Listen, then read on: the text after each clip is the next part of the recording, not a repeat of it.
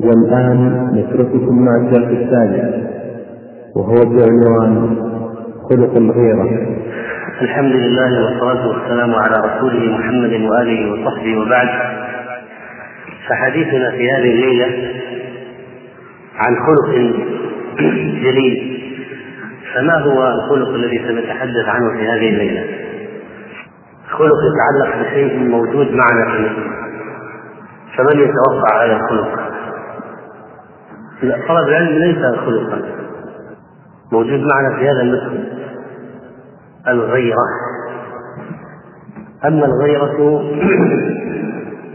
بفتح الغين فهي مصدر غار الرجل يغار غيرة وغيرا و كما ذكر الحافظ رحمه الله نقلا عن القاضي عياض مشتقة من تغير القلب وهيجان الغضب بسبب المشاركة فيما به الاختصاص وأشد ما يكون ذلك بين الزوجين هذا في حق الآدمي.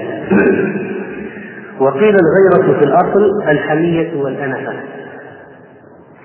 فإذا هناك علاقة بين الغيرة وبين الغضب.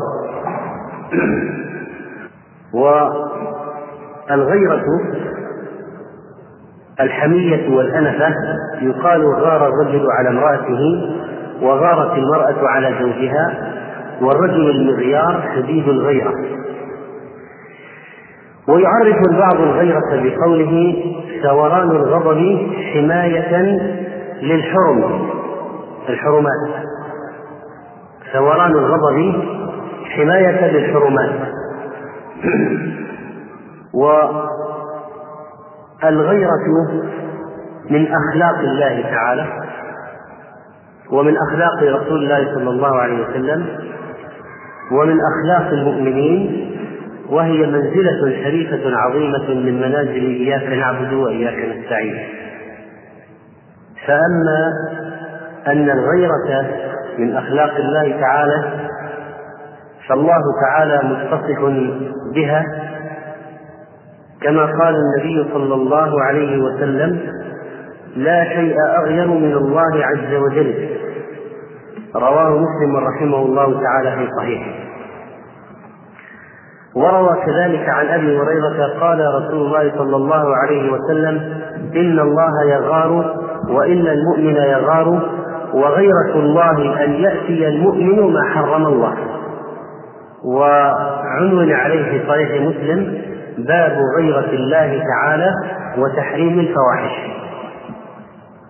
وعن المغيرة بن شعبة قال قال سعد بن عبادة لو رأيت رجلا مع امرأتي لضربته بالسيف غير مصفح عنه فبلغ ذلك رسول الله صلى الله عليه وسلم فقال أتعجبون من غيرة سعد؟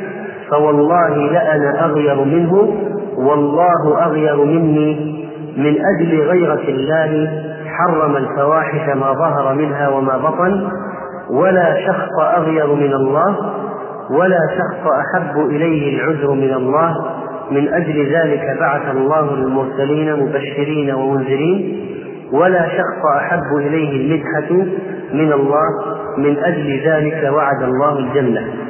رواه مسلم. فإذا لأنا أغير منه والله أغير مني. فالله تعالى لا أحد أغير منه. عز وجل.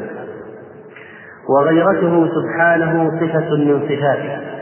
نثبتها له عز وجل. دون تحريف ولا تشبيه ولا تعطيل.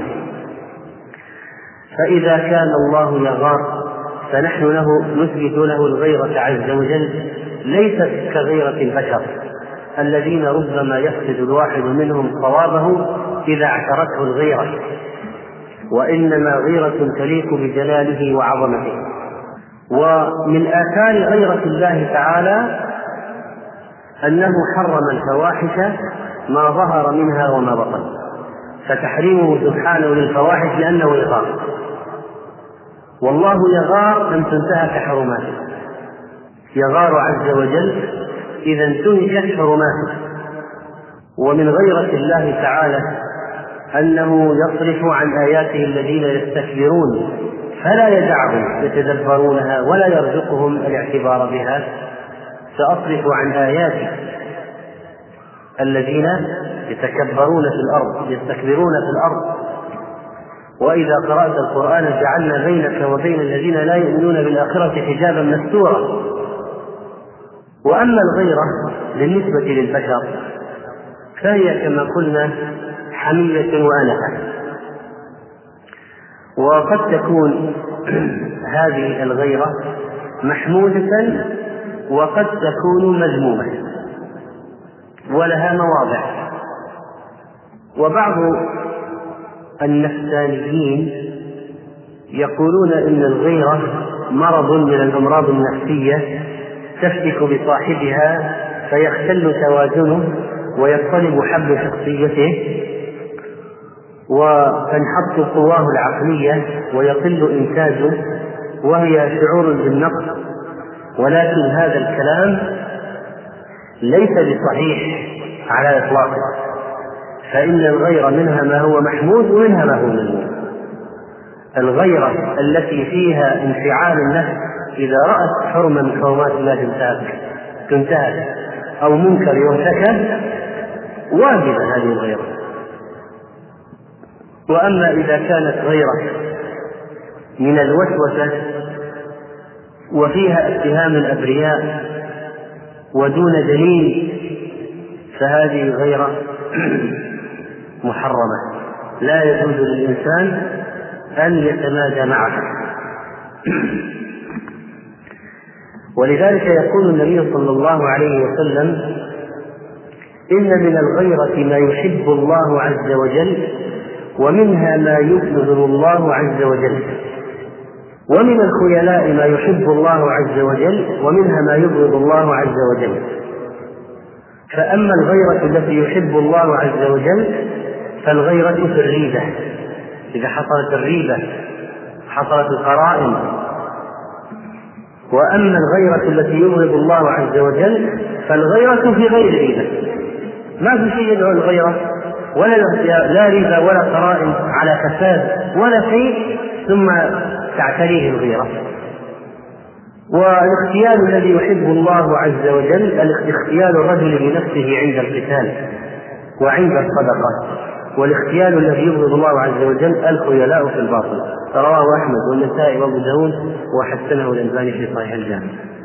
فإذا الغيره لها مجالات منها ما هو محمود ومنها ما هو مذموم ولها علاقة بالغضب وهي نوع من الانفعال وكذلك تكون في بعض الأحيان التي تحصل فيها منافسة على شيء واحد اشترك فيه أكثر من شخص فهي خوف من صاحبها أن يحتل مزاحم مكانه.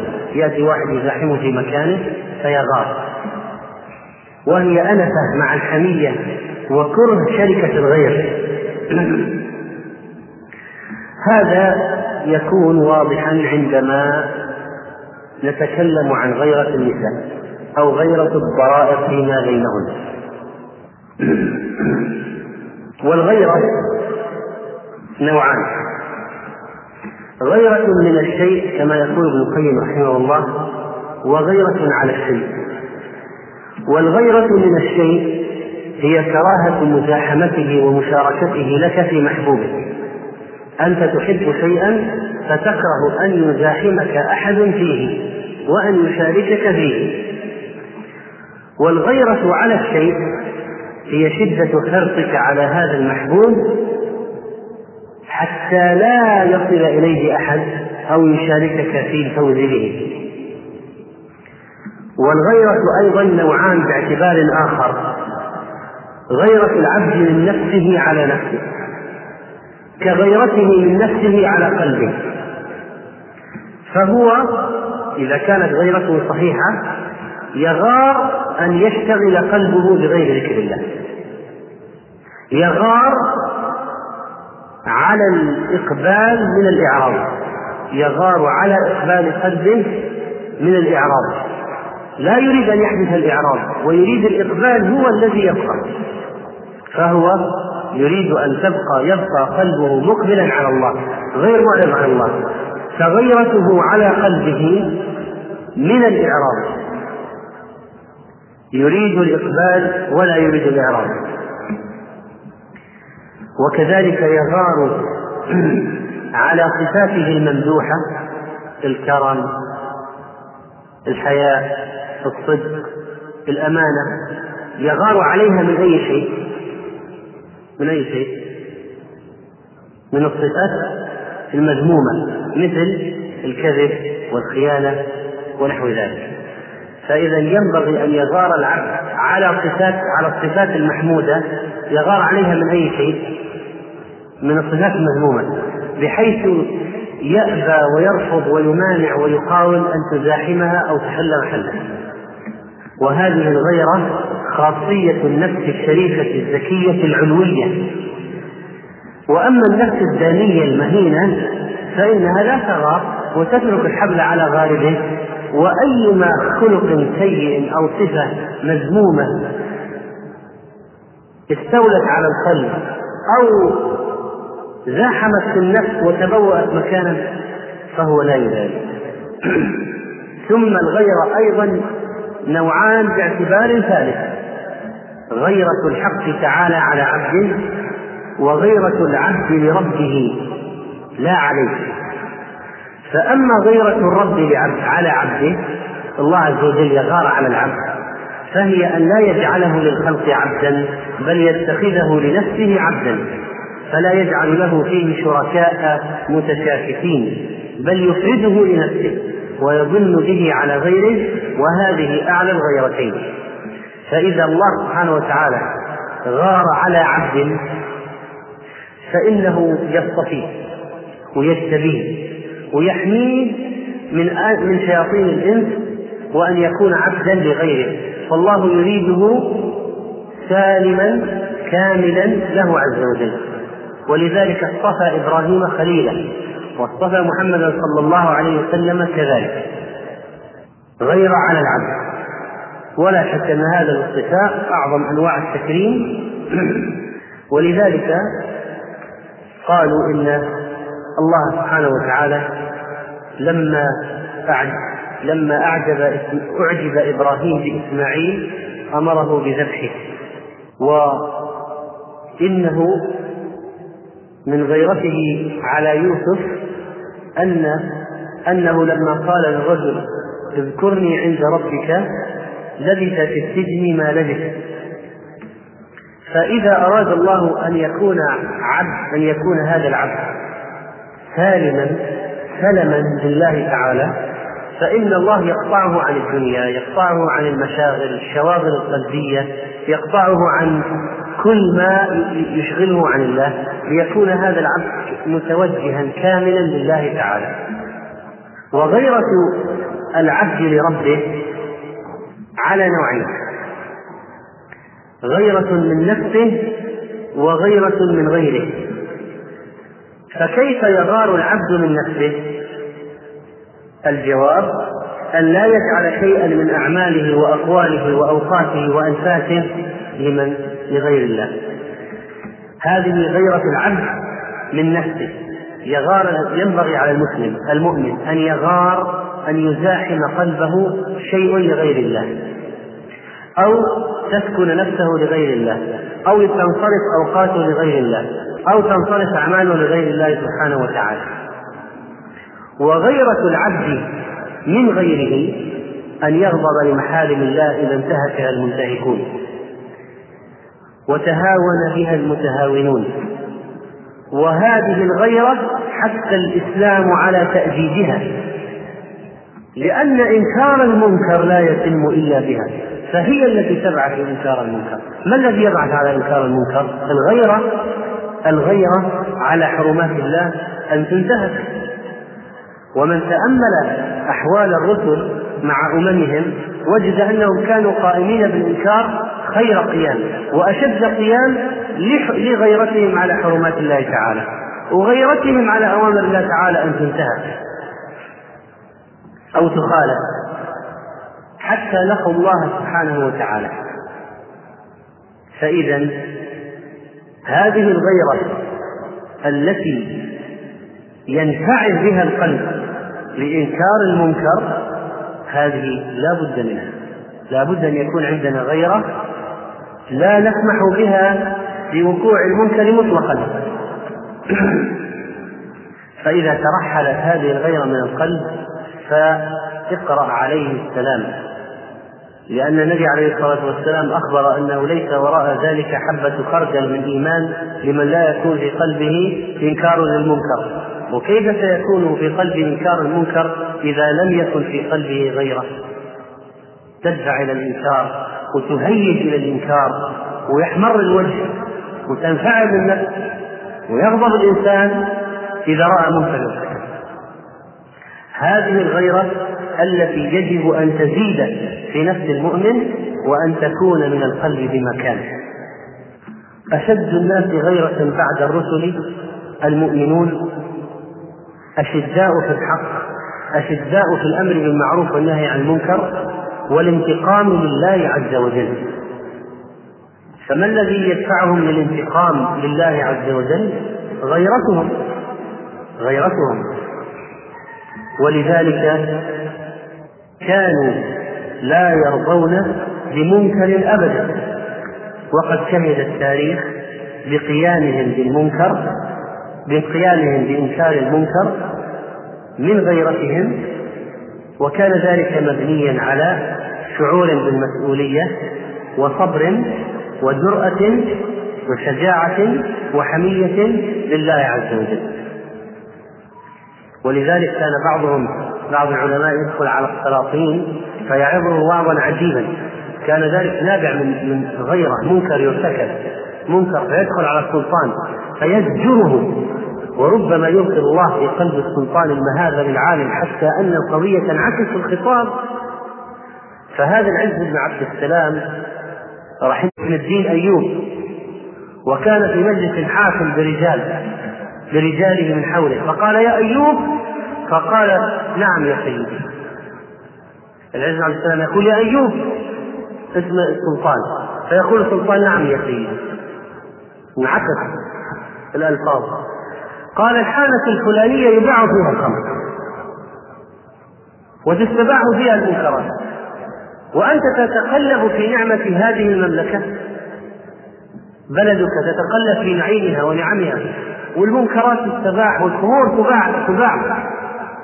فقال فقال السلطان نجم الدين أيوب هذا أنا ما علمته. هذا من زمان أبي. أنا غير مسؤول عن هذا من قبل. قال العز بن عبد السلام أأنت من الذين يقولون إنا وجدنا آباءنا على أمة وإنا على آثارهم مقتدون؟ فرسم السلطان أصدر أمره بإبطال تلك الحالة وإغلاقها.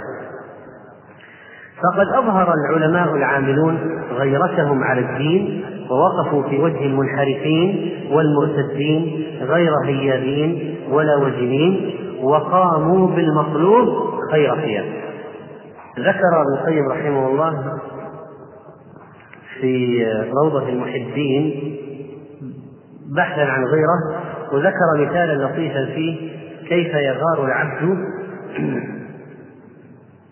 على ربه. فقال ومن علامات الغيرة المحمودة والمحبة كره من يدخل بين المحب الصادق وبين محبوبه. ولهذا السر والله أعلم أمر النبي صلى الله عليه وسلم برد المال بين يدي المصلي حتى أمر بقتاله وأخبر أنه لو يدري ما عليه من الإثم لكان وقوفه أربعين خيرا من مروره بين يديه. ولا يجد ألم المرور وشدته إلا قلب ولا يجد ألم المرور وشدته إلا قلب حاضر. ولا يجد ألم المرور وشدته إلا قلب حاضر بين يدي محبوبه مقبل عليه.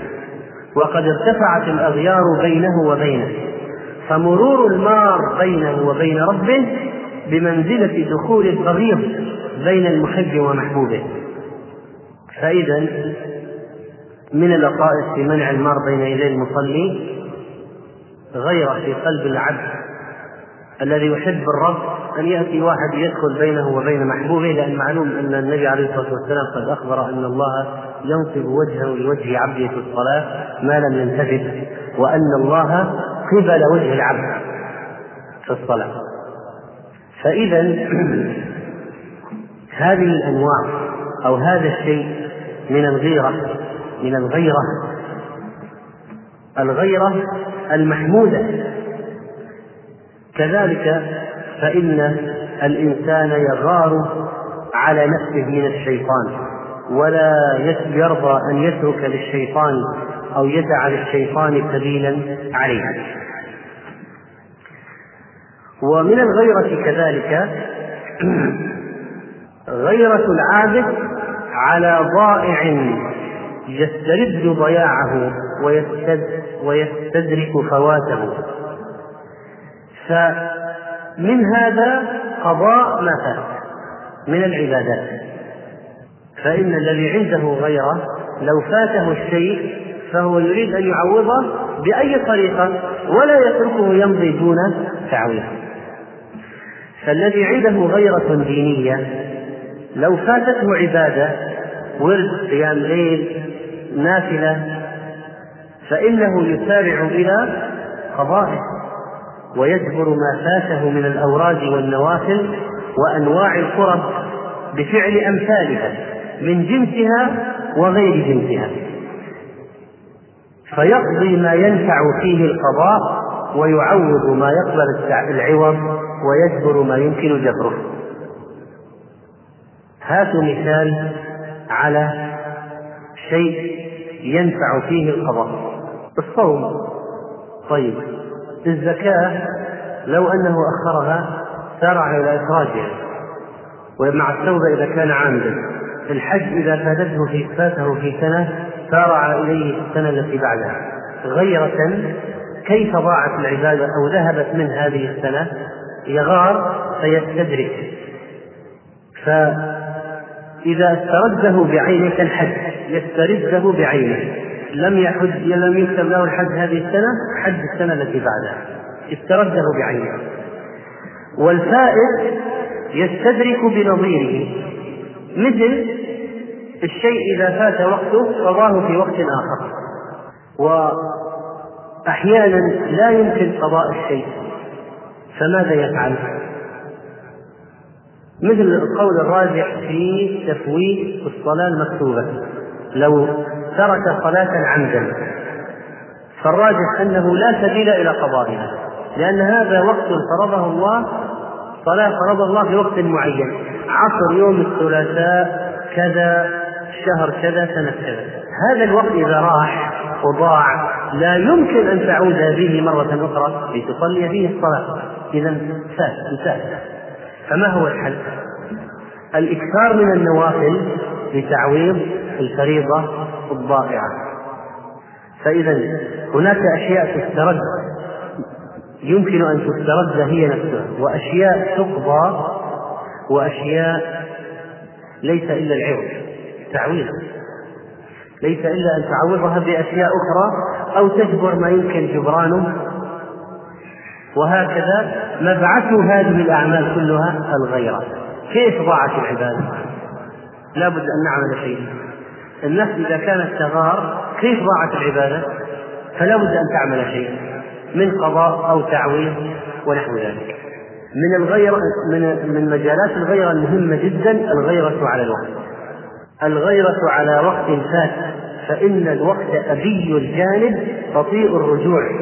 والوقت أعز شيء في حياة الإنسان المسلم يغار عليه أن ينقضي دون أن أن يصرف في عباده فإذا فاته وقت لا يمكن استدراكه البتة لا سبيل إلى استدراكه فإنه يغار غيرة تدفعه إلى الندم والتوبة على ما فات ومحاولة التعويض في المستقبل. الوقت منصرم إذا راح الوقت. الآن هذه الساعة التي نحن فيها. إذا ذهب هل يمكن أن تعود مرة أخرى؟ لا خلاص راحت انتهت. وهكذا يمر العمر. يذهب وينتهي. لا يمكن أن يعوض لا يمكن أن يعوض راح. الساعة راحت. فإذا كان عنده غيرة على وقته فإنه يكون محاسبا لنفسه أشد المحاسبة في ذهاب الأوقات. يكون حسابه عسيرا. فلا يفوت وقت بدون فائدة. وأما إذا كان غافلا تفرمت أوقاته وعظم فواته واشتدت حسراته وطلب الرجع الرجوع فلا رجوع. رب ارجعون كلا وأن لهم التناوش من مكان بعيد. وكيف يرد الأمس في اليوم الجديد وأصعب الأحوال انقطاع الأنفاس. ولا شك أن الإنسان المغتنم لوقته يكون ممدوحا داخلا في قوله تعالى كلوا واشربوا هنيئا بما أسلفتم في الأيام الخالية. فلأنهم استفادوا من الوقت وعمروه بالطاعات فلذلك كافأهم الله عز وجل وقيل لهم كلوا واشربوا هنيئا بما أسلفتم في الأيام الخالية. فالإنسان يجب عليه أن يغار في هذه المجالات التي تكون الغيرة فيها محمودة ونافعة. ولنأخذ أمثلة من غيرة بعض الأنبياء. لقد ذكرنا أن النبي صلى الله عليه وسلم كان يغار وأنه أغير البشر. والله أغير منه. ومن مجالات الغيرة الغيرة على النساء. وقد جاء حديث جاء حديث رواه الإمام أحمد رحمه الله في سنده ضعف. لكن نذكره للفائدة. يقول حدثنا قتيبة حدثنا يعقوب بن عبد الرحمن بن محمد يعني الخاري عن عمرو بن أبي عمرو عن المطلب عن أبي هريرة. وكل هؤلاء الرجال ثقات إلا المطلب بن حنطب فإنه لم يسمع من أبي هريرة كما ذكر ذلك البخاري رحمه الله في التاريخ الأوسط وأبو حاتم في المراسيل وباقي الرجال رجال الشيخين. عن أبي هريرة أن رسول الله صلى الله عليه وسلم قال كان داود النبي فيه غيرة شديدة وكان إذا خرج أغلقت الأبواب فلم يدخل على أهله أحد حتى يرجع. قال فخرج ذات يوم وغلقت الدار وغلقت الدار فأقبلت امرأته تطلع إلى الدار فإذا رجل قائم وسط الدار. فقالت لمن في البيت؟ من أين دخل هذا الرجل؟ الدار. والدار مغلقة. والله لتصطبحن بداود. فجاء داود فإذا الرجل قائم وسط الدار فقال له داود من أنت؟ قال أنا الذي لا أهاب الملوك ولا يمتنع مني شيء. فقال داود أنت والله ملك الموت فمرحبا بأمر الله. فرمل داود مكانه حيث قبضت روحه حتى فرغ من شأنه وطلعت عليه الشمس. فقال سليمان للطير أظل على داود؟ فأظلت عليه الطير حتى أظلمت عليهما الأرض فقال لها سليمان اقبضي جناحا جناحا قال أبو هريرة يرينا رسول الله صلى الله عليه وسلم كيف فعلت الطير؟ وقبض رسول الله صلى الله عليه وسلم وغلبت عليه يومئذ المصرخية. وضبطت في بعض طبعات مسند أحمد المصرحية اسم فاعل من التصريح غلبت عليه صفة التصريح والإيضاح في البيان حيث أوضح بالإشارة وبالكلام استعان بإشارة اليد على توضيح ما المرمى وكان وقد ذكر العلماء أن بني إسرائيل كانت كان ملك الموت يأتيهم فيرونه على يأتي رجل عند قبض الروح.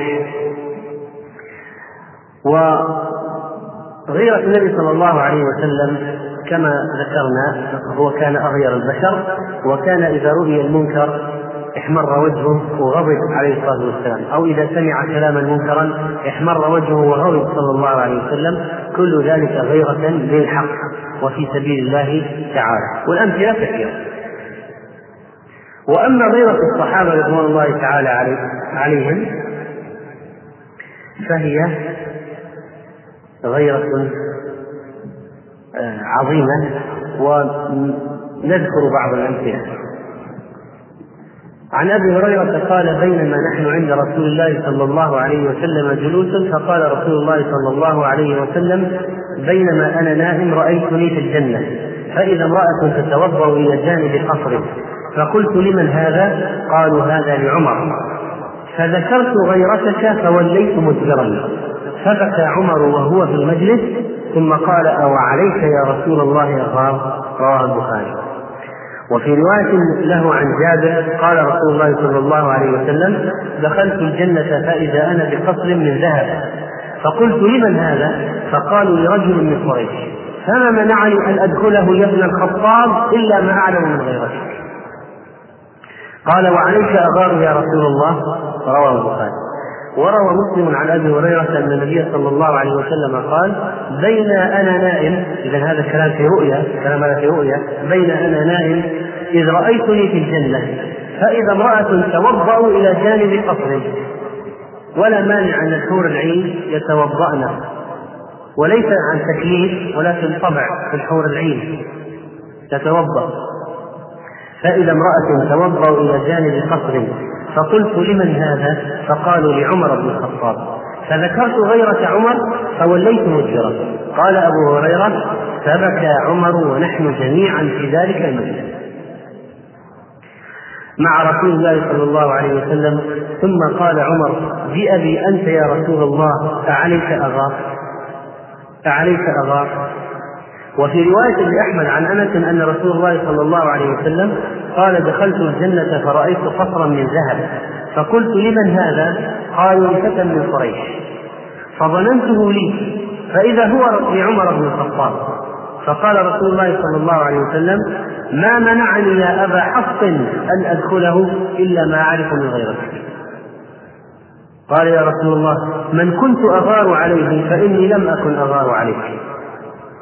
وفي رواية لبريدة أصبح رسول الله صلى الله عليه وسلم في الصباح ثم قال إني دخلت البارحة الجنة فأتيت على قصر من ذهب مرتفع مشرق فقلت لمن هذا القصر؟ قالوا لرجل من العرب قلت أنا عربي لمن هذا القصر؟ قالوا لرجل من المسلمين من أمة محمد قلت فأنا محمد لمن هذا القصر؟ قالوا لعمر بن الخطاب فقال رسول الله صلى الله عليه وسلم لولا غيرتك يا عمر لدخلت القصر فقال يا رسول الله ما كنت لأغار عليك غيرة الصحابة رضوان الله تعالى عن عليهم كانت عظيمة وكانت الغيرة على النساء فيهم شديدة. الغيرة على النساء. بعضهم كانت الغيرة الغيرة عنده فيها زيادة. زيادة عن الحد ربما كما كان من طبيعة سعد رضي الله عنه. وروى أحمد رحمه الله عن ابن عباس قال لما نزلت والذين يرمون المحصنات ثم لم يأتوا بأربعة شهداء فاجلدوهم ثمانين جلدة ولا تقبل لهم شهادة أبدا. قبل أن يخص الزوج بحكم. كان الحكم أي واحد يرمي امرأة بدون أربعة شهود يجلد حد إيش؟ حد إيش؟ القذف كم جلدة؟ ثمانية لم يكن هناك حكم خاص بالزوج الزوج لو رأى مع زوجته رجل وما أتى بأربعة شهداء واتهم زوجته يجلد فالنبي عليه الصلاة والسلام قرأ عليهم الآية قال سعد بن عبادة وهو سيد الأنصار أهكذا نزلت يا رسول الله؟ فقال رسول الله صلى الله عليه وسلم يا معشر الأنصار ألا تسمعون إلى ما يقول سيدكم؟ إلى ما يقول سيدكم؟ يقول هكذا نزلت وأنا أنا يعني في شك في تبليغي قالوا يا رسول الله لا تنزل فإنه رجل غيور. والله ما تزوج امرأة قط إلا بكرا وما طلق امرأة له قط فاجترأ رجل منا على أن يتزوجها من شدة غيرته. فقال سعد والله يا رسول الله إني لأعلم أنها حق. الآية ما عندي شك وأنها من الله تعالى. ولكني قد تعجبت أني لو وجدت لكاعا يعني يقصد زوجته تفخذها رجل لم يكن لي أن أهيجه ولا أحركه حتى آتي بأربعة شهداء فوالله لا آتي بهم حتى يقضي حاجته. هذا هو الاستغراق فما لبثوا إلا يسيرا حتى جاء هلال بن أمية وهو أحد الثلاثة الذين تيب عليهم.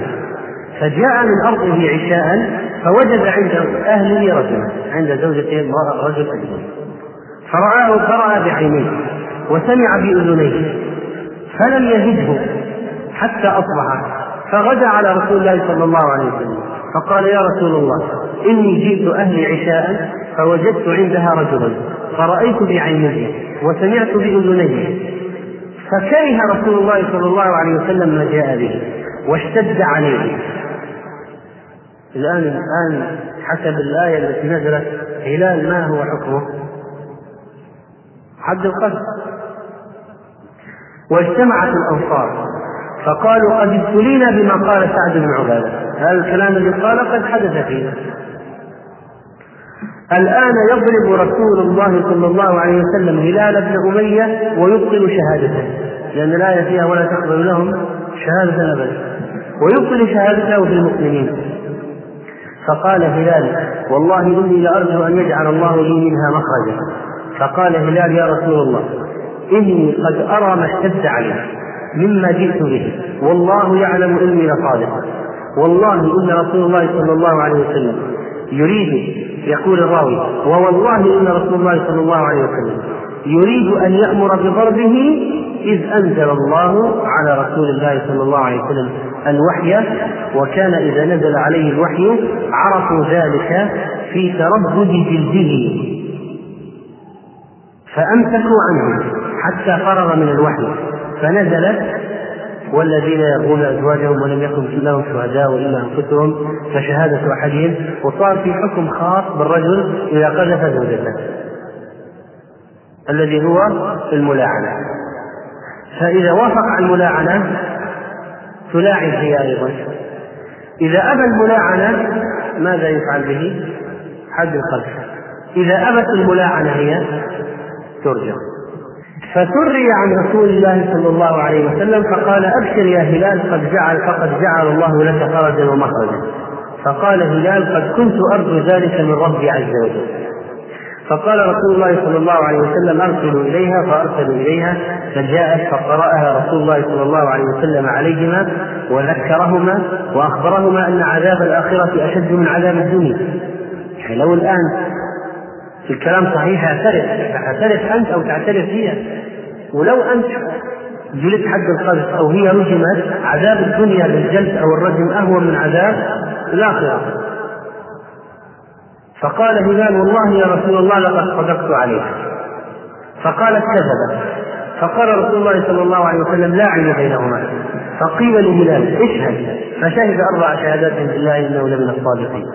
فلما كانت الخامسة قيل يا هلال اتق الله فإن عذاب الدنيا أهون من عذاب الآخرة وإن هذه الموجبة التي توجب عليك العذاب الخامسة فقال والله لا يعذبني الله عليها كما لم يجزني عليها. ما أنزل الآية بشأن إنقاذني فشهد في الخامسة أن لعنة الله عليه كان من الكاذبين. ثم قيل لها اشهدي أربع شهادات بالله إنه لمن الكاذبين. فلما قد كانت الخامسة قيل لها اتق الله فإن عذاب الدنيا أهون من عذاب الآخرة وإن هذه الموجبة التي توجب عليك العذاب فتلكأت ساعة ثم قالت والله لا أصلح قومي فشهدت في الخامسة أن غضب الله عليها إن كان من الصادقين طيب حصلت الملاعنة الآن ماذا ما هي الخطوة التالية؟ ففرق رسول الله صلى الله عليه وسلم بينهما وقضى أنه لا يدعى ولدها ولا ولدها لأب ولا ترمى هي به. هو الآن انتهى من الولد فلا يسمي هلال ولا ترمى هي به ولا يرمى ولدها. ومن رماها أو رمى ولدها فعليه الحد وقضى أنه لا بيت لها عليه ولا قوت من أجل أنهما يتفرقان من غير طلاق ولا متوفى عنها. وقال النبي عليه الصلاة والسلام ان جاءت به ثم وصف شكل المولود وصف شكل معين. قال إن جاءت به اصيبب اريحح حمس الساقين فهو لهلال ولده كذا وإن جاءت به أورق جعدا جماليا خزلج الساقين سادر الأليتين فهو للذي رميت به ولد الزاني. فجاءت به على النعت المكروه يعني فجاءت به أورق جعدا جماليا خدلج الساقين سابغا اليتين طبعا تبين أن هلال صادق والمرأة كاذبة لكن الآن الملاعنة حصلت حصلت. فقال عليه الصلاة والسلام لولا الأيمان يعني خمس الملاعنات الخمس لكان لي ولها شان يعني لرجمتها تبين. لكن خاص نزل الحكم بالملاعنة فطبقت الملاعنة والملاعنة الآن تنفي عن المرأة حد الرجم وحسابها عند الله. قال عكرمة فكان بعد ذلك أميرا على مصر وكان يدعى لأمه ويدعى لأبيه. فالشاهد منه أن سعد بن عبادة رضي الله تعالى عنه سعد من شدة غيرته قال أنا لا يمكن إذا رأيت رجل أتركه وأذهب أبحث عن أربع شهداء وقد نزل الحكم بعد ذلك بأن يكون آه، بالملاعنة وانتهت المسألة بهذه الطريقة شرعا. حصلت قصة أيضا تبين غيرة أحد الأنصار رضي الله عنه من الصحابة غيرة على زوجته. فقال أبو السائب في الرواية هذه مسلم أنه دخل على أبي سعيد الخدري في بيته. قال فوجدته يصلي. فجلست أنتظره حتى يقضي صلاته. فسمعت تحريكا في عراجين في ناحية البيت. صوت فالتفت فإذا حية فوثبت لأقتلها فأشار إلي أن اجلس. في الصلاة أشار إلي اجلس. لا لا تفعل شيء. وهذا يعني يؤخذ منه أنه يجوز للمصلي أن يشير بإشارة للمصلحة والحاجة. فلما انصرف يعني من صلاته أشار إلى بيت في الدار. فقال أترى هذا البيت؟ فقلت نعم. قال كان فيه فتى منا. حديث عهد بعرف. حديث عهد بعرف. يعني متزوج حديثا قال فخرجنا مع رسول الله صلى الله عليه وسلم إلى الخندق. فكان ذلك الفتى يستأذن رسول الله صلى الله عليه وسلم بأنصاف النهار فيرجع إلى أهله. يطمئن حديث عهد بعرف. فاستأذنه يوما فقال له رسول الله صلى الله عليه وسلم خذ عليك سلاحك فإني أخشى عليك قريظة يعني ينقض العهد ويحارب المسلمين. فأخذ الرجل سلاحه. ثم رجع إلى بيته فإذا امرأته بين البابين قائمة خارج البيت فأهوى إليها بالرمح ليطعنها به وأصابته غيره. قال مرة طالع برا البيت وكأنها من غيره يعني فأهوى إليها بالرمح. فقالت له اقصف عليك رمحك وادخل البيت حتى تنظر ما الذي أخرجك. فدخل فإذا بحية عظيمة منطوية على الفراش. فأهوى إليها بالرمح فانتظمها به ثم خرج فركزه في الدار فاضطربت عليه. اضطربت عليه الحية ولا تعب فما يدرى أيهما كان أسرع موتا كان أسرع موتا الحية أم الفتاة؟ قال فجئنا إلى رسول الله صلى الله عليه وسلم فذكرنا ذلك له وقلنا ادعو الله يحييه لنا فقال استغفر لصاحبك ثم قال إن للمدينه جنا قد أسلموا فإذا رأيتم منهم شيئا فاجنوه ثلاثة أيام فإن بدا لكم بعد ذلك فاقتلوه فإنما هو شيطان. فإنما هو شيطان. وفي رواية لأبي السائب قال دخلنا على أبي سعيد الخدري فبينما نحن جلوس إذ سمعنا تحت سريره حركة فنظرنا فإذا حية وساق الحديث وقال فيه فقال رسول الله صلى الله عليه وسلم إن لهذه البيوت عوامر فإذا رأيتم شيئا منها فحرجوا عليها ثلاثا فإن ذهب وإلا فاقتلوه فإنه كافر. وقال لهم اذهبوا فاقتلوا صاحبكم.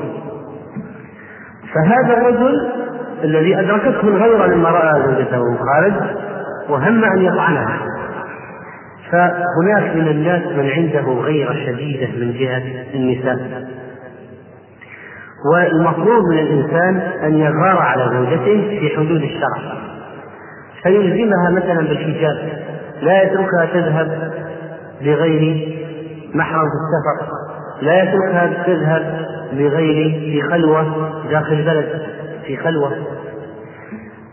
لا يترك تتبرج لا يترك تذهب إلى أماكن السوق إلى أماكن مختلطة إلى حفلات السوق إلى أعراس المنكر التي يدخل فيها المصورون ويدخل فيها الزوج أمام النساء. إذا الغيرة الشرعية الغيرة الشرعية على النساء تقتضي أن يراعي الإنسان زوجته وأهله نساءه أخواته أن يراعي هذه أن يراعي هؤلاء ويراعي هذه الجوانب فلا يسمح بمنكر بالنسبة لأهله. وأما بالنسبة لقضية الحيات فإن بعض العلماء قالوا هذا خاص بالمدينة لأن فيها جن أسلموا لا يعم بقية البلدان وقال بعضهم يعم بقية البلدان إذا وجدنا في البيت حرجنا عليها بالله وأنها تحريجنا عليها بالله لا يعني أن نتركها في البيت فإنه يمكن إخراجها إخراجها دون قتل. يمكن إخراجها يخرجها بشيء يلقيها بعيدا دون آه، قتل. و ثم انهم تكلموا في الثلاث يعني ثلاث مرات أو ثلاثة أيام لأن نص الحديث فيه ثلاثة أيام ليس هذا موضوعنا، الموضوع الاصلي هو قضيتنا هي غيرة الغيرة على النساء. طيب الرجل إذا كان صاحب غيرة شديدة ماذا ينبغي على المرأة أن تفعل؟ الآن نحن ضربنا مثال أمثلة على أناس غيرتهم شديدة من الصحابة رضي الله عنهم. فالمرأة إذا كان زوجها صاحب غيرة شديدة يجب عليها أن تحسن التعامل معه وتجتنب أشياء من أجل راحة نفسه. لأن بعض الرجال الذين عندهم حساسية زائدة يحتاجون إلى نوع خاص من التعامل. فربما مثلا لا يريدها مطلقا أن تكلم البائع تكلمه تكلم زوجها وزوجها يكلم البائع طيب فعليها أن تفعل ذلك. قد يكون كلامها مع البائع من إذا لم تخضع بالقول جائز مثلا. لكن حيث أن زوجها عنده غيرة شديدة إذا هي تراعي غيرة زوجها وتكون حكيمة ولا تكلم البائع وزوجها هو الذي يتكلم. ما في مانع. تكلمه ويكلم تكلمه وهو يكلم البائع فإذا وهذه المراعاة هذا وهذا شاهد لهذه المراعاة. عن أسماء بنت أبي بكر رضي الله عنهما قالت تزوجني الزبير. وما له في الأرض من مال ولا مملوك ولا شيء غير ناضح وغير فرس. ما عنده إلا الناضح والفرس. ورجل مجاهد منطلق الجهاد في سبيل الله. فكنت أعرف فرسه وأستقي الماء وأخرج غربه. وترقع الدلو تعمل تصلح له متاعه.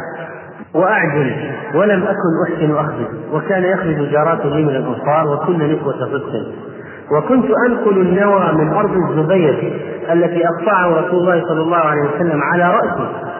وهي مني على ثلثي فرسخ يعني مسافة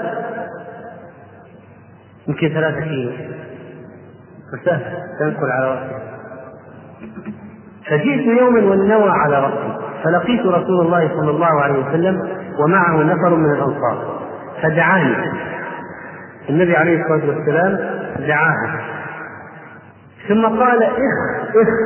يعني هذه كلمات تقال للناقة لكي تنزل. ليحملني خلفه. النبي عليه الصلاة والسلام. فاستحييت أن أسير مع الرجال ليحملني خلفه. هذا فهمها. وإلا فمن المحتمل أن يكون النبي عليه الصلاة والسلام أراد أن يركبها وما معها ويركب هو شيئا آخر. قالت فاستحييت أن أسير مع الرجال وذكرت الزبير وغيرته وكان أغير الناس. الآن هل في أي بأس أن تركب المرأة على ناقة النبي عليه الصلاة والسلام؟ أصلا النبي عليه الصلاة والسلام هو الذي يدعوها لذلك رأفة بها وشفقة عليها. في بأس إذا ركبت في ناقة على ناقة النبي عليه الصلاة والسلام؟ ما في بأس مطلقا.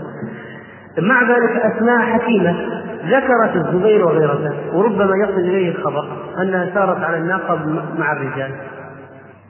فعرف رسول الله صلى الله عليه وسلم أني قد استحييت فمضى تركها ثم إذا قولها وذكرت الزبير وغيرته وكان أغير الناس. وفي رواية من أغير الناس راعت هذه المسألة مع أن الذي يدعوها للركوب هو النبي عليه الصلاة والسلام. وغير هذا النبي عليه الصلاة والسلام زوج أختها فهذه المرأة محرمة عليه يعني أسماء محرمة عليه تحريما مؤقتا. ثم إنها متزوجة. فلا. فحتى لو فارق عائشة لا يستطيع أن يأخذ أسماء لأن أسماء متزوجة. فالمسألة لا يعني لا تستدعي الغيرة من جهة أنه صلى الله عليه وسلم الذي دعاها. ثانيا أنه زوج أختها وهي متزوجة. يعني أين الريبة؟ أين الريبة؟ ذكرت غيره خشيت أن تركب على البعير وربما ينكشف منها شيء أو تحدث مزاحمة أثناء الطريق. ففضلت أن تستمر بالنوى محمولة على رأسها من مكان بعيد. ولا تقف فهذه امرأة حكيمة التي تراعي غيرة زوجها.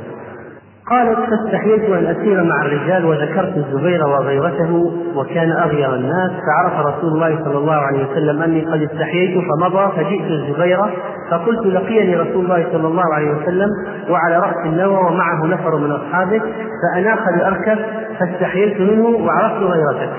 فقال والله لحملك النوى كان أشد علي من ركوبك معه. يعني رجل أيضا كان لطيفا مع زوجته. يعني قال حملك النوى أشد عليه لو ركبت فيه كان أسهل. لأنه رحمها من هذه كان يرحمها من هذا العمل الشاق لكن ما باليد حيلة والرجل زوجها وأبوها أبو بكر الصديق مشغولان بالجهاد. الآن ما الذي يبرر أن الزبير لم يكن نفسه يعمل الأعمال هذه؟ هو الذي يحمل ويترك المرأة تعمل. لماذا؟ اضطرارا. لأنهما كانا في غاية الشغل بالجهاد وغيره من أوامر النبي عليه الصلاة والسلام لأن الزبير من أقرب الناس إلى النبي عليه الصلاة والسلام. وأبو بكر كذلك فلا أبوها ولا زوجها يستطيعان المساعدة في هذا الموضوع.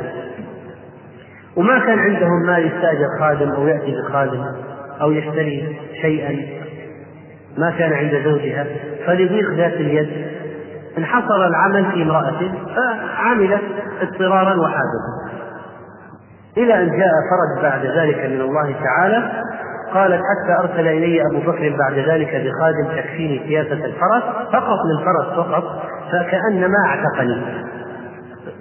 رواه. فهذا الحديث هذا الحديث الصحيح يعطينا نموذج عن تعامل المرأة إذا كان زوجها شديد الغيرة. طبعا بعض الرجال ليست القضية عندهم قضية غيرة معقولة بل إنها ربما تصل إلى الوسوسة غيرة سيئة. لا يمكن أن توصف بأنها محمودة. فتكون زوجته معه في عذاب. فإذا خرج من البيت وضع شريط لاصق على الباب من خارج يرى إذا فتح الباب يعني يعني إنقطع. وإذا يتصور إذا فتح شباك أن كل الجيران يتآمرون عليه وعلى زوجته وإذا حصل أنه رأى شخصا في مرآة السيارة ينظر في الذي أمامه في مرآة السيارة طلع عليه و, و يعني نزل على جنب ونزل عليه ليش طالع بمرآة السيارة؟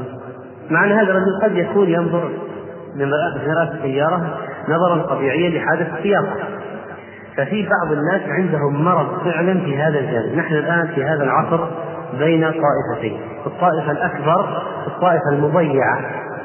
زوجته تسرح وتمرح في المعاصي وهو ديوث لا يقيم لله يعني حرم لا يقيم لحرمات الله وزنا فهو تارك للزوجة ومع يعني السائر ومع الأجنبي ومع الحفلات المختلطة. هذا حال طبعا أكثر. في قلة أو في طائفة أخرى عندهم وسوسة شديدة جدا ولو جلسنا نتكلم في الموضوع آه، سيطول المقام. في حالات مرض مرض لا يمكن أن يسمى إلا مرض نفسي. والوسط ما هو؟ أن الإنسان يغار في موضع الغيرة. ولا يعني كما قال الشاعر ما أحسن الغيرة في حينها وأقبح الغيرة في غير حين من لم يزل متهما عرسه متبعا فيها لقول الظنين يوشك أن يبرزها بالذي يخاف أن تبرز تبرزها للعيون حسبك من تحصينها وضعها منك إلى عرض صحيح ودين. فإذا الإنسان يجب أن تكون غيرته على زوجته في موقعها الصحيح. وسالم بن عبد الله بن عمر كان رجلا قال كان عمر رجلا غيورا فكان إذا خرج إلى الصلاة اتبعته عاتكة ابنة زيد تريد أن المسجد. فكان يكره خروجها ويكره منعها. لماذا يكره الخروج هذا واضح. طيب ويكره منعها؟ لحديث لا تمنع ابناء الله مساجد الله. ثم فتقيد بالشرع والمرأة إذا كانت حكيمة ولاحظت أن زوجها لا يريد أن تخرج المسجد تقلل من الخروج. ولا تجعل لا لابد أن أذهب تصبح مشكلة كبيرة. فلا بد من مراعاة الطرفين وأن تكون المسألة عند حدود الشرع. وإذا خرجت المسجد أصلا تخرج في غاية الحكمة نكمل بعد. الحمد لله. إذا أيها الإخوة لا بد أن يكون الزوج وقافا عند حدود الله ويغار على زوجته الغيرة الشرعية يمنعه من الوقوع في المحرم والمنكر ولا يزيد إلى حد الوسوسة. ويجب أن يكون أن تكون تربيته لزوجته تربية صحيحة فإنه إذا لم تكن ذات دين أو لم يحسن انتقاءها ولم يحسن تربيتها فإن الغيرة فإن الغيرة لا تفيد في جميع الأوقات لأنه ربما تعمل شيئا من خلفه. لذلك كان النصارى الإسرائيل في القرون الوسطى عندهم شيء يسمى بحزام العفة وهي أحزمة حديدية ذات أقفال. ما ما يأمن زوجته؟ إذا ذهب للحرب ألبسها هذا الختام وأقفل عليها بالقفل حتى يتأكد أنه لا يأتي أحد في غيابه. ولذلك قال الشاعر وإني امرؤ لا آنف البيت قاعدا إلى جنب عرسي لا أفارقها شبرا. إذا هي لم تحصن أمام فنائها فليس بمنجيها بناء لها قصرا فإذا كانت المرأة لا ليست أصلا بذات عفة فكل الاحتياطات ربما لا تفيد. فالمسألة تحتاج إلى حل من الأصل. وغيرة النساء أما بالنسبة لغيرة النساء فإن غيرة النساء أمر شديد شديد شديد. البخاري رحمه الله عنوان باب غيرة النساء ووجههن.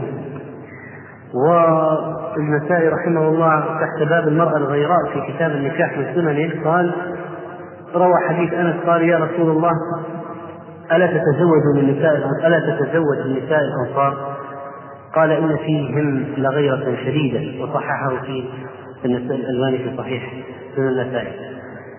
وقد كانت أم سلمة رضي الله عنها فيها غيرة شديدة ولكن حصلت قصة فعن أم سلمة قالت سمعت رسول الله صلى الله عليه وسلم يقول ما من مسلم تصيبه مصيبة فيقول ما أمره الله. إنا لله وإنا إليه راجعون. اللهم أجرني في مصيبتي واخلف لي خيرا منها. إلا أخلف الله له خيرا منها. قالت فلما مات أبو سلمة قلت أي المسلمين خير من أبي سلمة؟ أول بيت هاجر إلى رسول الله صلى الله عليه وسلم. ثم إني قلت فأخلف الله لي رسول الله صلى الله عليه وسلم قالت أرسل إلي رسول الله صلى الله عليه وسلم حاطب بن أبي بلتعة يخطبني له. فقلت إن لي بنتا وأنا غيور. فقال أما ابنتها فندعو الله أن يغنيها. عنها وأدعو الله أن يذهب بالغيرة. رواه مسلم.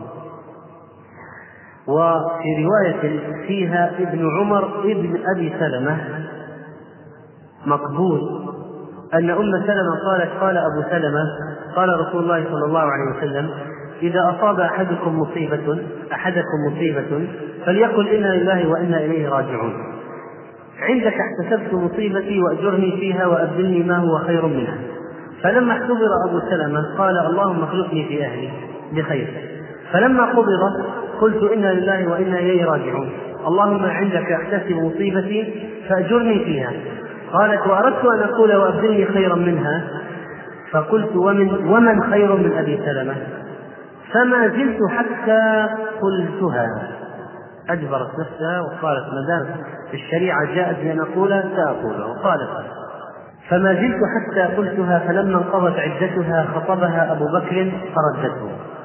ام سلمة لدينها يطمع فيها لدينها أما من ناحية السن كبيرة فردته ثم خطبها عمر فردته. فبعث إليها رسول الله صلى الله عليه وسلم. فقالت مرحبا برسول الله صلى الله عليه وسلم وبرسوله. أخبر رسول الله صلى الله عليه وسلم أني امرأة غيرا. فلما بلغ عليه الصلاة والسلام قال أما قولك إني غيرا فسأدعو الله أن يذهب غيرتك ثم إنه عليه الصلاة والسلام تزوجها صلى الله عليه وسلم. وتقول عائشة رضي الله عنها وعائشة لابد عندما نتكلم عن غيرة عائشة لابد قبل أن نتكلم عن غيرة عائشة لابد من إجراءات. أولا معرفة قدر عائشة رضي الله عنها وأنها التي أنزل الله براءة فوق سبع سماوات وأنها السيدة الجليلة الجميلة التي نقلت إلينا أكثر ما فعله عليه الصلاة والسلام في بيته من نسائه كانت عائشة. وروت لنا أحاديث ما كان ليطلع عليها أحد إلا هي فروتها لنا فنحن مدينون لهذه المرأة السيدة أم المؤمنين بشيء عظيم جدا والكلام في فضل عائشة يقول لكن لابد قبل ما قبل أن يستمع الإنسان لأحاديث غيرة عائشة لابد أن يكون قد استمع أو عرف أشياء من من, ماذا؟ من فضل عائشة لأن بعض الناس ربما إذا سمع أحاديث غيرة عائشة يقول إيش هذا؟ إلى هذه الدرجة وربما في نفسه ينتقد عائشة رضي الله عنها. فلا بد أن نعرف مناقبها قبل أن نعرف قبل أن ندخل في شيء من الأمور التي ربما يجد الواحد انتقادا فيها على عائشة. لكن حيث أن موضوعنا غيرة النساء وأن عائشة رضي الله عنها كانت امرأة غيرة وأن الأحداث التي حدثت مع النبي عليه الصلاة والسلام في مواجهة الغيرة كانت مع عائشة في أكثرها فلا بد من التطرق لهذه الأحاديث. عن عائشة رضي الله عنها قالت ما زلت على أحد من نساء النبي صلى الله عليه وسلم ما زلت على خديجة. وما رأيته خديجة ماتت ماتت. ومع ذلك عائشة تغار من الإثم. ولكن كان النبي صلى الله عليه وسلم يكثر ذكرها. وربما ذبح الشاة ثم يقطعها أعضاء ثم يبعثها في ضبائح خديجة صاحبة خديجة. فربما قلت له كأنه لم يكن في الدنيا امرأة إلا خديجة.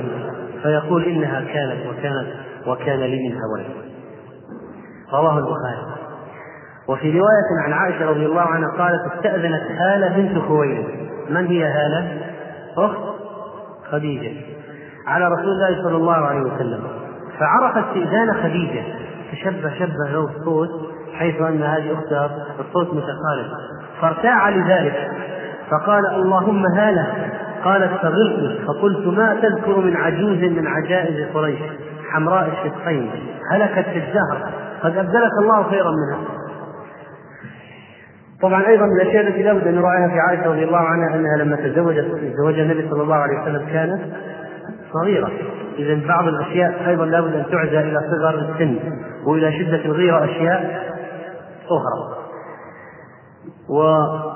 والغيره قد تحمل المرأة على فعل ما لا ينبغي هذا هو لب القصيد في موضوع الغير ذكر الكلام على غيرة النساء هذا يحتاج إلى درس لوحده كيف يتعامل مع غيرة النساء؟ لأن قضية الغيرة عند النساء شديدة، أمر جبلت عليه المرأة. طبعت عليه وخلقت عليه. ولا تكاد توجد في الدنيا امرأة ليس عندها غيرة، بالذات إذا تزوج عليها زوجها وكانت كانت تحت مع ضرائر فعند ذلك لا بد أن يتحمل ما يأتيه. فعن أنس قال كان النبي صلى الله عليه وسلم عند بعض النساء فأرسلت إحدى أمهات المؤمنين بصحفه فيها طعام صحن أكل فضربت التي النبي صلى الله عليه وسلم في بيت هذا الخادم فسقطت الصحفة فانفلقت كانت تقول يعني ترسل طعام في بيتي وعندي ترسل طعام. فانفلقت فجمع النبي صلى الله عليه وسلم فلق الصحفة لا تكلم ولا زمجر ولا غضب ولا سب ولا شتم ولا عير ولا عاب. ثم جعل يجمع فيها الطعام هذه الخلقة المكسورة الذي كان في الصحفة ويقول غارت أمكم. وأثبت أنها أمنا أم المؤمنين. غارت أمكم. ثم حبس الخادم حتى أتي بصحفة من عند التي هو في بيته. لابد من الاقتصاد والتعويض. فدفع الصحفة الصحيحة إلى التي كسرت صحفتها وأمسك المكسورة في بيت التي كسرت. رواه البخاري. وعن أم سلمة أنها أتت بطعام في صحفة لها إلى رسول الله صلى الله عليه وسلم وأصحابه. فجاءت عائشة متجرة بكساء ومعها سهر يعني حجر. ففلقت به الصحفة فجمع النبي صلى الله عليه وسلم بين فلقتي الصحفه ويقول كلوا غارت أمكم مرتين.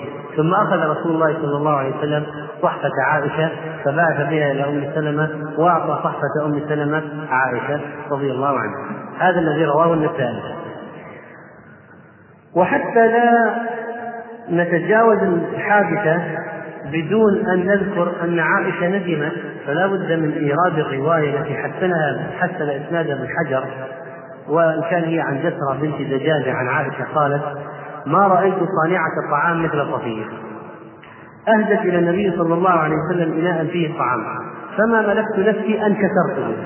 فسألت النبي صلى الله عليه وسلم عن كفارته فقال إناء كإناء وطعام كطعام فهذا معناه أنها ندمت وأنها سألت عن الكفارة. في نقطة مهمة أيضا وهي أن بعض النساء لا يصلح لهن أن يسمعن هذه القصص لأن إذا سمعت القصص وأرت زوجها الويلات وعظها زوجها قالت عائشة عائشة يا سلام صيري مثل عائشة في الفضل والتقى والعبادة يذهب من عندها ابن أختها إلى السوق وهي تقرأ فمن الله علينا وقانا عذاب السموم تبكي ويذهب ويتعالى النهار في السوق ويرجع بعد ذلك ويجدها واقفة وهي تقرأ فمن الله علينا وقانا عذاب السموم تبكي. ويأتيها العطاء بعشرين ألف دينار وتوزعه في مجلس واحد. حتى تقول لها مولاة أبقي لنا شيئا نحن مساكين فإذا بعض النساء لا يصلح فعلا أن يسمعن مثل هذا لأجل أنك كأنك تعطيها السلاح الذي تحتج به عليها. لكن النساء التي عندهن عقل ودين تعرف القضية وتعرف أن إذا كان عائشة عندها حسنات كثيرة جدا هذه تغمر في بحر فضائلها فربما لا تكون هي عندها بحر حسنات وعن عائشة قالت دخل علي رسول الله صلى الله عليه وسلم في اليوم الذي بدأ فيه يعني بدأ فيه مرض الموت فقلت ورأسه فقال وددت أن ذلك كان وأنا حي. يعني إذا اشتكيت وأصابك شيء وجدت أن صار وأنا حي فهيأتك ودفنتك. إذا صار الشيء وأنا حي هيأتك ودفنتك. ماذا ما هي ردة الفعل؟ قالت فقلت غيرة في حالة الغيرة أصابتها الغيرة. كأني بك في ذلك اليوم عروسا ببعض نسائك. إذا أنا مت وغسلتني دفنتني في ذاك اليوم في الليل ستجدك مضاجعا امرأة من نسائك وفي رواية قالت عائشة ورأساه فقال رسول الله صلى الله عليه وسلم لو كان ذاتي لو كان وأنا حي سأستغفر لك وأدعو لك فقالت عائشة واتكلياه والله إني لأظنك تحب موتي. ولو كان ذاك لظللت آخر يومك معرسا ببعض أزواجك فقال النبي عليه الصلاة والسلام بل وأنا ورأساه والحديث رواه البخاري. حصل أيضا من الأشياء أن بعض أزواج النبي عليه الصلاة والسلام اجتمعن عليه من الغيرة. كما روى البخاري فأنزل الله تعالى عسى رب إن طلقكن. اجتمعنا عليه من الغيرة يعني بسبب الغيرة حصلت مؤامرة من بعض أزواج النبي عليه الصلاة والسلام ضد بعض وكانوا حزبين حزب. نساء النبي عليه الصلاة والسلام كن حزبين. فحزب فيه عائشة وحزب الآخر حزب من؟ أم سلمة. فحصل منافسات بين الحزبين. تقول عائشة رضي الله عنها كان رسول الله صلى الله عليه وسلم يحب العسل والحلو والحلواء وكان إذا انصرف من العصر دخل على نسائه فيدنو من إحداهن. فدخل على حفصة بنت عمر. فاحتبس أكثر ما كان يحتبس فغرت طول عندها ليش فقيل لي أهدت لها امرأة من قومها عكة من عسل. إذا اكتشفت. جاءت الأخبار وانكشفت القضية في عكة عسل في الموضوع. فسقت النبي صلى الله عليه وسلم منه شربة يعني أعجبته. إذا ها طول عندها فقلت أما والله لنحتالن له. يا سودة. فقلت لسودة بنت زمعة. إنه سيدنو منك. فإذا دنا منك فقولي أكلت مغافير. يعني نبات صمغي حلو المذاق كريه الرائحة. كريه الرائحة. والنبي عليه الصلاة والسلام كان من أشد الأشياء عليه أن يرى منه رائحة كريهة. فإنه سيقول لك لا فقولي له ما هذه الريح التي أجد منك؟ فإنه سيقول لك سقتني حفصة شربة عسل. فقولي له جرست نحله العرفة يعني نحل العسل هذا أكلت من النبات الرائحة الكريهة فانعكس أثر في العسل. الآن من ذكاء عائشة رضي الله عنها أنها تتوقع الحوار بالنص كلمة كلمة. وسأقول ذلك وقولي أنت يا صفية ذلك الآن هذه المؤامرة التي تحدث قالت تقول سودة فوالله ما هو إلا أن قام على الباب فأردت أن أباديه بما أمرتني به فرقا منك يعني قبل ما يدخل تشم من خوفا من عائشة كانت ستعترف أو تقول الكلام الذي لقنته عائشة قبل أن يأتي موقع المناسب فلما دنا منها قالت له سودة يا رسول الله أكلت مغافير. قال لا. قالت فما هذه الريح التي أجد منك؟ قال سقتني حفصة شربة عسل. بالنص. فقالت جرست نحله العرق فلما دار إلي قلت له نحو ذلك. وهذا ذكاء عائشة غيرت هي حفظت الأولى الدور والتغيير عليها. تغيير الكلام بحوار مشابه حتى لا تنكشف. فلما دار إلى صفية قالت له مثل ذلك. شوف عائشة قال نحو ذلك. وصفية مثل ذلك. فلما دار إلى حفصة قالت يا رسول الله ألا أسقيك منه؟ قال لا حاجة لي لا حاجة لي فيه قالت تقول سودة والله لقد حرمناه قلت لها اسكتي رواه البخاري. بسبب المؤامرة هذه نزل قول الله تعالى عسى ربه إن طلقكن إن يبدله أزواج اجتمعنا عليه وصارت من جهات أخرى قضية تحريم مالية وقضية العسل. وأكثرنا عليه في النفقة فهجرهن شهرا ونزلت الآية التخيير. وقصة معروفة. من غيرة عائشة رضي الله عنها أيضا أنها قالت كان رسول الله صلى الله عليه وسلم إذا خرج أقرع بين نسائه فطارت القرعة على عائشة وحفصة فخرجتا معه جميعا في السفر. وكان رسول الله صلى الله عليه وسلم إذا كان بالليل سار مع عائشة يتحدث معها يسامر أهله في الليل. مسامرة المسافر لأهله فقالت حفصة لعائشة حفصة تقول. ألا تركبين الليلة بعيري وأركب بعيرك فتنظرين وأنظر. إذا قلبنا المسألة هل هو يعني بغض النظر عن البعير ولا بغض النظر عن راكب البعير؟ قالت بلى. فركبت عائشة على بعير حفصة وركبت حفصة على بعير عائشة. فجاء رسول الله صلى الله عليه وسلم إلى جمل عائشة وعليه حفصة. فسلم ثم سار معها حتى نزلوا. إذا الرسول عليه الصلاة والسلام سامر التي على البعير ولم يسأل عن عائشة فافتقدته عائشة فغارت أدركتها الغيرة. فلما نزلوا جعلت تجعل رجلها بين الإذخر عائشة تدخل رجلها في هذا النبات وتقول يا رب سلط علي عقربا أو حية تلدغني رسولك ولا أستطيع أن أقول له شيء يعني هو رسولك لا أستطيع أن أنتقل به رواه مسلم. طيب ما الذي حملها؟ لو قال واحد كيف يدعو على نفسه ولا يجوز الدعاء على نفسه؟ صحيح صحيح. لكن لابد أن نعلم أن الغيره تخرج المرأة عن قولها. فإذا تعذر بأشياء لا يعذر فيها الشخص العادي. وعن عائشة زوج النبي صلى الله عليه وسلم أنها أن عليه الصلاة والسلام خرج من عندها ليلة قالت فغرت عليه. فجاء فرأى ما أصنع فقال ما لك يا عائشة؟ أغرت فقلت وما لي لا يغار مثلي على مثلك. فقال رسول الله صلى الله عليه وسلم أقد جاءك شيطانك؟ قالت يا رسول الله ومعي شيطان؟ قال نعم. قلت ومع كل إنسان؟ قال نعم. قلت ومعك يا رسول الله؟ قال نعم. ولكن ربي ولكن ربي أعان عليه حتى أسلم. الشيطان هذا أسلم. رواه مسلم. وهناك قصة أيضا في صحيح مسلم مبسوطة أن قيس بن مخ محمد بن قيس بن مخرم بن المطلب قال يوما ألا أحدثكم عني وعن أمي؟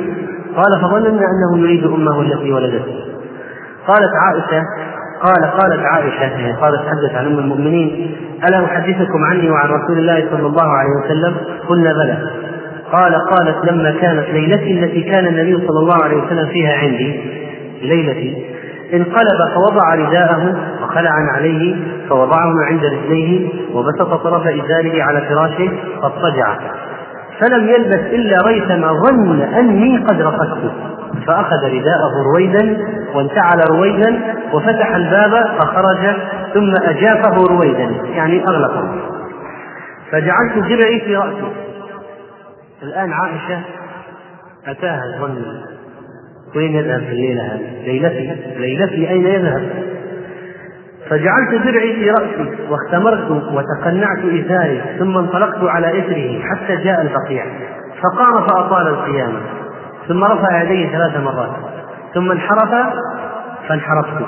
فأسرع فأسرعت. فهرول فهرولت. فأحضر فأحضرت. وهو عدو فوق الهرولة. فسبقته فدخلت. فليس إلا أن اضطجعت فدخل فقال ما لك يا عائشة حشيا رابية؟ يعني نفس سريع إيش القضية؟ قال قلت شيء. قال لتخبريني أو ليخبرني اللطيف الخبير. منك أو من السماء. قالت قلت يا رسول الله بأبي أنت وأمي فأخبرته. حتى عرفت أن ظنت أنها ظنت أنه أين يذهب في ليلتها؟ قال فأنت السواد الذي رأيت أمامي؟ قلت نعم. فلهدني في صدري لهجة أوجعتني. ضربا لأجل الزجر. ثم قال أظننت أن يحيف الله عليك ورسوله؟ يعني أنا رسول الله أظلمك وأذهب إلى غيرك في ليلتك؟ ما هذا الظن؟ قالت مهما يكتم الناس يعلمه الله. قال نعم. ثم أخبرها أن جبريل أتاه وأمر من الله أن يذهب إلى أهل البقيع ويستغفر له. وهناك حديث آه، في سنده ضعف لكن نذكره لفائدة التعامل مع الزوجات إذا صارت في حال الغيرة. عن إسحاق بن سعيد عن أبيه قال بلغني أن عائشة هذا بلاغ روى أحمد الحديث منقطع هنا أو فيه مجهول لا ندري من الذي كيف بلغه من هو المبلغ؟ قالت ما استمعت على رسول الله صلى الله عليه وسلم إلا مرة. فإن عثمان جاءه في نحر الظهيرة فظننت أنه جاءه في أمر النساء. فحملتني الغيرة على أن أصغيت إليه فسمعته يقول إن الله عز وجل ملبسك قميصا تريدك أمتي على خلعه فلا تخلعه فلما رأيت عثمان يبذل لهم ما سألوه إلا خلعه علمت أنه من عهد رسول الله صلى الله عليه وسلم الذي عاهد به. فإذا الغيرة قد تحمل المرأة على التجسس على زوجها. هذه الفائدة الحديث في سنده ضعف لكن الفائدة هي أن الغيرة قد تحمل المرأة على التجسس على زوجها والتنقيب في أوراقه ودفاتره وأماكن خروجه وأين يذهب وهواتفه ومكالماته ومن عنده في البيت. إذا ينبغي أن يكون الزوج حكيما في التعامل يقدر الغيرة الموجودة وإذا وعظ يعظ يعظ بما تتحمله الزوجة. لا بد من موقف لكن يكن موقفا تتحمله الزوجة. ولا يسكت. أما بالنسبة لكون النبي عليه الصلاة والسلام أمر عثمان إذا قمصه الله قميصا أن لا يخلعه فقد ثبت الحديث الصحيح. في حديث صحيح آخر ولذلك عثمان ما خلع نفسه من الخلافة مع أنهم حاصروه لأجل هذا لأجل هذا الحديث. ولا بد من المرء للمرأة أن تحذر من أذية زوجها الصالح لأن الحادثة التي حصلت فيها اجتماع نساء النبي عليه الصلاة والسلام عن غيره ثم نزل فيها التأنيث من الله تعالى يدل على أنه يجب على النساء المرأة أن تحذر من أذية زوجها الصالح بغيرتها. والغيرة بالنسبة للنساء يقول ابن حجر رحمه الله معلقا على فوائد أحاديث جماعة البخاري في الغيرة. قال فيه إشارة إلى عدم مؤاخذة الغيراء لما يصدر منها لأنها في تلك الحالة يكون عقلها محجوبا بشدة الغضب الذي أثارته الغيرة هذا الكلام مهم لأن الإنسان إذا عرف الظرف المقابل سهل عليه أن يتعامل معه. قال فيه إشارة إلى عدم مؤاخذة الغيراء بما يصدر منها لأنها في تلك الحالة يكون عقلها محجوبا بشدة الغضب الذي أثرته الغيرة وقد أخرج أبو يعلى بسند لا بأس به عن عائشة مرفوعا إن الغيراء لا تبصر أسفل الوادي من أعلاه الوادي الغيراء لا تبصر أسفل الوادي الكبرى من أعلاه من شدة الغيرة وعن ابن مسعود رفعه إن الله كتب الغيرة على النساء فمن صبر منهن كان لها أجر شهيد. أخرجه البزار وأشار إلى صحته ورجاله ثقات ولكن اختلف في عبيد بن الصباح منهم. هذا كلام ابن حجر رحمه الله تعالى. وقال الطبري وغيره من العلماء كما نقل ابن مفلح في كتاب الآداب الشرعية الغيرة مسامح للنساء فيها لا عقوبة عليهن لما جبلن عليهن من ذلك عليهن من ذلك. ولهذا لم يزجر عائشة رضي الله عنها. وقال القاضي عياض عندي أن ذلك جرى من عائشة لصغر سنها وأول شبيبتها ولعلها لم تكن بلغت حينئذ. ف نريد أن نقول إن الغيرة صحيح مركبة في طبع النساء لكن لا يعني أن المرأة تتعدى وكل ما ظلمت زوجها تقول غيرة ومركبة في طبعه لا يجب عليها أن تجاهد. ولذلك هذا العالم لما لما تكلم بهذا الكلام كان يريد أن يقطع الطريق على من تحتج بغيرة عائشة ويقول وكذلك من يلوم عائشة. ويقول عائشة كان كان يمكن ما بلغت دون سن البلوغ لما حدثت هذه الحوادث. ويقول القاضي عياض مغاضبة عائشة للنبي صلى الله عليه وسلم مما سبق من الغيرة التي عفي عنها للنساء في كثير من الأحكام لعدم انفكاكهن منها حتى قال مالك وغيره من علماء المدينة يسقط عنها الحد إذا قذفت زوجها بالفاحشة على جهة الغيرة. أما من غير جهة الغيرة تحد ومغاضبة النبي عليه الصلاة والسلام حرام ولا من أكبر الكبائر. وعائشة غاضبته وكانت تهجر اسمه والنبي عليه الصلاة والسلام حس بذلك يعني يحس بذلك. فقال النووي في شرح مسلم هذا الذي فعلته وقالته حملها عليه فرط الغيرة على رسول الله صلى الله عليه وسلم وقد سبق أن أمر الغيرة معفو عنه. وقلنا الغيرة من لها علاقة بالغضب والغضب مع وجود العقل لا يسامح بسببه في الانفعال ونحوه لكن إذا ذهب العقل في الغضب عند ذلك لا يحصل آه، تحمل أو المسؤولية بسبب غياب العقل. فإذا ينبغي أن يقدر الزوج أن الزوج أن طبع الغير الموجود في زوجته. ويجب على الزوجة أن لا تتمادى في التصرفات السيئة محتجة بقضية الغيرة. فلذلك إذا زال العقل في شدة الغيرة فربما لا تتحمل ويعفى عنها والله سبحانه وتعالى يسامحها لكن إذا عقلها موجود فإنها تتحمل كل كل ما فعلته. وما أشقى المرأة الغيورة وما أتعس حياتها؟ تقول إحدى النساء كانت لي صديقة كثيرة الشكوك شديدة الغيرة فإذا خرج زوجها أو ضرب موعدا أو تكلم في الهاتف أو حرر رسالة أو أطرق مفكرا أو بدا منشرحا أو أرسل ابتسامة أيقنت أن هناك امرأة.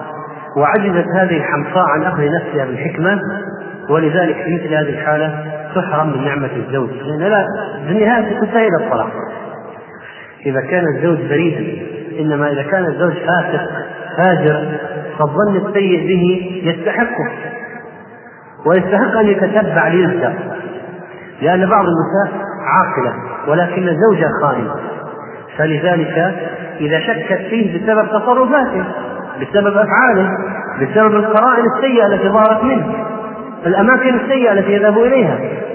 فإذا إذا كان الرجل سليما تصرفاته سليمة متقيد بأوامر الله فالظن على هذه القضية في أي كلام وأي هاتف وأي رسالة وأي هذا ظلم تتحمله المرأة.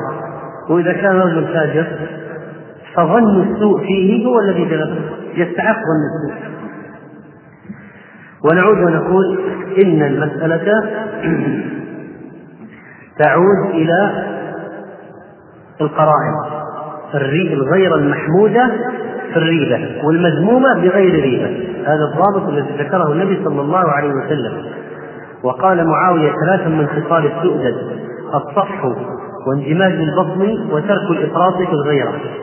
ونزل قيس بن زهير ببعض العرب فقال لهم أنا غيور وأنا فخور وأنا أنف ولكن لا أغار حتى أرى. شيء بعيني أرى بعيني سوء قرينة سوء قرينة تدل على سوء أثر يدل على سوء دليل اتهام دليل سوء أغار. أما أغار على الشك على الوسوسة لا. وهذا الذي قلنا إنه في غاية العيب في غاية العيب وهذا وهذا الذي تكون زوجته معه في الجحيم أن يشك فيها بدون أي مبرر ولا دليل ولا قرينة. وكذلك تشك فيه دون أي شيء.